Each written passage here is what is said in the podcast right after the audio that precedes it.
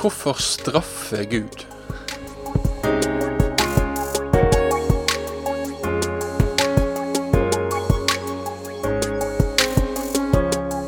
Velkommen til et eh, nytt program av Ord til liv med radio- og TV-pastor Ingvald Kårbø. Podkasten er produsert av P7 Kristen Riksradio, som vil forkynne Jesus Kristus, slik at varig frukt skapes. Vi er takknemlige for alle våre støttespillere.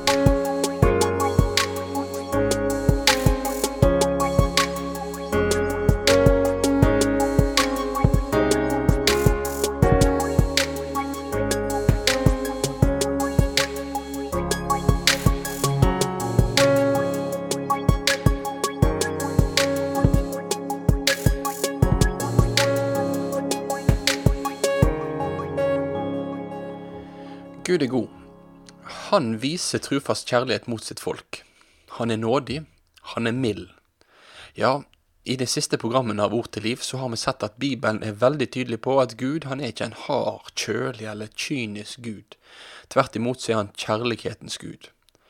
Og sjøl om dette her kan være vanskelig for oss å begripe fullt ut, så er det ikke så veldig kontroversielt å hevde at Gud er kjærlighet.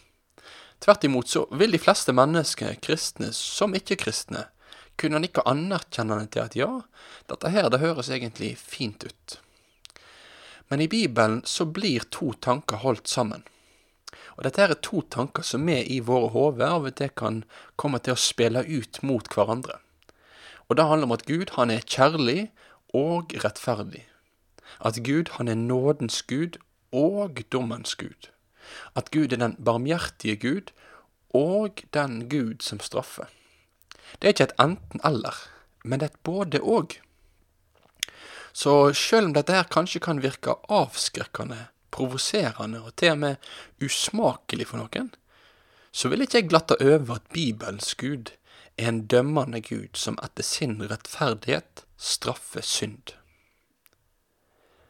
Det å være dømmende, det er et karaktertrekk som de fleste av oss kanskje ikke vil ha klistra som en merkelapp på vår panne. Det er ingen hedersbetegnelse i norsk dagligtale. Hvis du sier til meg, Ingvald, du er så dømmende, så tenker ikke jeg at det er et kompliment. For i din kommentar så ligger det en undertone av at du opplever at jeg ser ned på deg eller på noen andre, og at jeg uttaler meg om ting som jeg egentlig ikke har rett til å uttale meg om. Så det er ikke positivt å være dømmende. Så sant du da ikke er en dommer. For dommeren i en rettssak, det er jo ingen som sier til han 'Å, du er så dømmende'. Eller til dommeren på fotballbanen, så er det ingen som springer bort og sier 'Å, slutt å være så dømmende', da. Nei, det er forventa av dommeren at han skal dømme. Det er hans oppgave. Han skal være dømmende. Han skal sørge for å håndheve de retningslinjene som er satt for det området som han skal virke som dommer innenfor, om det området da er på fotballbanen, eller om det er kongeriket Norge. Den kristne kirka den tror at den øverste dommeren, Herren, han sitter i himmelen, og at han er universets dommer og herre, over hele jorda, over hele tida. Han er historiens dommer. Og han er dømmende fordi han er dommeren. Han har rett til å uttale seg. Han har rett til å felle dom, og det gjør han.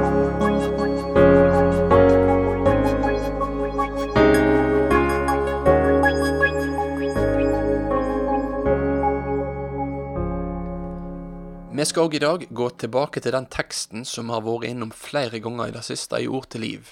Den teksten i Andre Mosebok kapittel 34, der Herren viser sin karakter for Moses.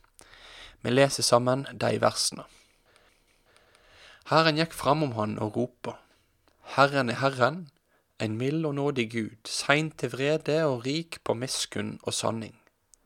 Han held fast på si miskunn i tusen slektsledd og tilgjev synd, skuld og lovbrudd. Men han let ikke den skyldige slippe straff. For synda til fedrene straffer han born og barneborn og tredje og fjerde slektsleddet. Amen. Herren lar ikke den skyldige slippe straff. Sånn omtaler han seg sjøl. Han er på ei og samme tid den Gud som tilgjev synd, skyld og lovbrudd, og han er den som ikke lar den skyldige slippe straff. Så denne teksten her, den viser oss at skyld, den kan enten bli tilgitt, eller så kan den være gjenstand for Guds straff. Herren, dommeren, han kan enten frikjenne eller straffe. Det er et enten-eller. Enten blir synder stråket ut, eller så må den skyldige stå ansvarlig for den innenfor Gud. Så hvem er skyldig? Når det gjelder skyldspørsmålet, så er jo skyld i rettssystemet det å avvike fra vedtatte lover og forskrifter. Og I Norge så har vi en lovgivende forsamling i Stortinget. De vedtar lovene, og disse her lovene de ligger da til grunn når rettsvesenet skal ta sin avgjørelse om skyld i ulike spørsmål. Og Da hjelper det ikke å stå i rettssalen og si at en er uenig med lovene, for, for lovene de er jo vedtatt. Og i Guds verden så er det Gud som er lovgiveren. Han er den som bestemmer rett og galt, og han har vist oss sine definisjoner av dette her i, i Bibelen. Blant annet så oppsummerer Jesus eh, lovene i det som blir kalt for det doble kjærlighetsbudet, som handler om en helhjertet kjærlighet til Gud og kjærlighet til vår neste. På bakgrunn av Guds lover så konkluderer de nytestamentlige forfatterne med at alle mennesker er skyldige innenfor Gud.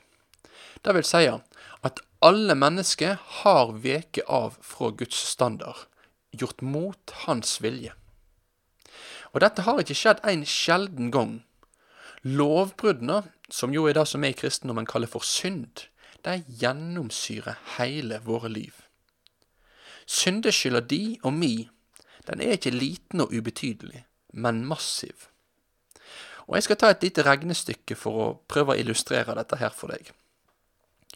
Om du er våken 16 timer i døgnet, se da for deg at du synder to ganger hver time. Altså at du to ganger hver time f.eks. tenker vonde og nedsettende tanker om andre, at du baktaler, lyver, eller at du rett og slett handler ut fra egoisme i stedet for nestekjærlighet. I løpet av ett døgn så er dette 32 lovbrudd, og jeg tror nok faktisk at realiteten er at vi synder betraktelig mye mer enn akkurat dette her. Men hvis vi tar vårt utgangspunkt i 32 daglige lovbrudd, så tilsvarer dette her i løpet av ett år 11 680 lovbrudd. Om du da lever i 80 år, så er dette her til sammen 934 400 lovbrudd. Så i løpet av en 80-årsperiode er det nesten én million lovbrudd. Dette er ikke småtteri. Skyldberget til en gjennomsnittlig 80-åring er vanvittig. Så er du skyldig? Er jeg skyldig? Svaret er ikke kanskje. Svaret er ikke litt. Svaret er ikke at jeg er sånn litt i grenseland. Nei, grenselandet er en saga blått. Jeg plasker rundt i et uendelig syndehav, og det gjør du òg. Du er skyldig. Så de og mi skyld, den må vi enten ta straffa for, eller bli tilgitt for. Men er Guds straff noe å frykte? Fortapelsen, eller helvete, som Jesus omtaler det som i sin forkynnelse, det er en realitet, og det er en mulig utvei for et menneskeliv. Og selv om Bibelen ikke gir en utførlig beskrivelse av denne tilstanden, så gir den oss nok holdepunkt til at vi forstår at dette er en tilstand som du og som jeg vil unngå.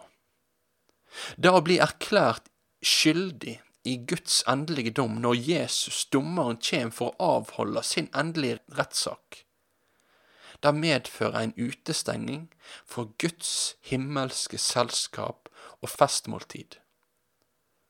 Det er et mørkt og det er et gråt guttene utafor, sånn som Jesus beskriver det i ligningene i Matteus 25. Og tidsperspektivet for denne fortapelsestilstanden er like varig som det livet Gud gjev til de som kjem inn til livet med Han. Det er snakk om en evig fortapelse. Fortapelsen er en realitet, og det er et mulig utfall av menneskelivet. Et mulig utfall av ditt og mitt liv. Og ut fra det som jeg har sagt til deg tidligere, så er det òg det fortjente utfallet av våre liv.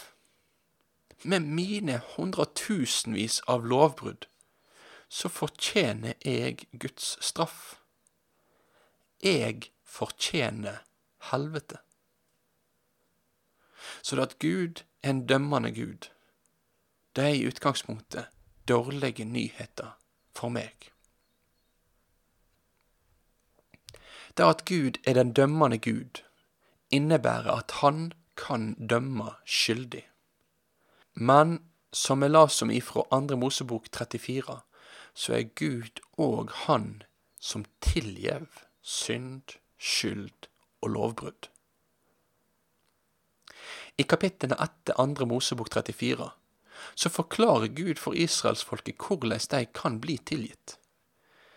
De kunne bli tilgitt ved at det var en annen som kom og tok deres straff. Ved at den straffa som de skulle hatt, i stedet for ramma en stedfortreder. Og det var da forordninga som Gud gav for at dyr skulle kunne gi sitt liv i stedet for folket. Og i Det nye testamentet, og spesielt da i hebreerbrevet så kan vi se at disse dyrene her, de var midlertidige, og de var forbilledlige stedfortredere i påvente av den endelige stedfortrederen Jesus. Jesu død var den stedfortredende døden for dine og mine synder. Han døde i mitt sted. Han døde i ditt sted. Han blei straffa i staden for oss. Den dommen som jeg skulle hatt, den blei i staden for felt over han. Så til deg og til meg er dette òg innbydelsen i dag. Vi fortjener Guds straff, men Jesus tok straffa i vårt sted. Og nå i dag så tilbyr han deg og meg sitt fellesskap.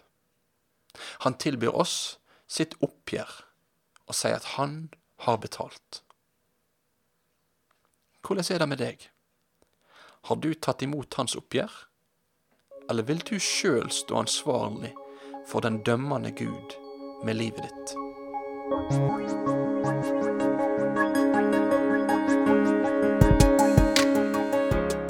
Takk for at du hørte på Ord til liv med radio- og TV-pastor Ingvald Kårbe. Vi håper at podkasten har fått vært til velsignelse for deg.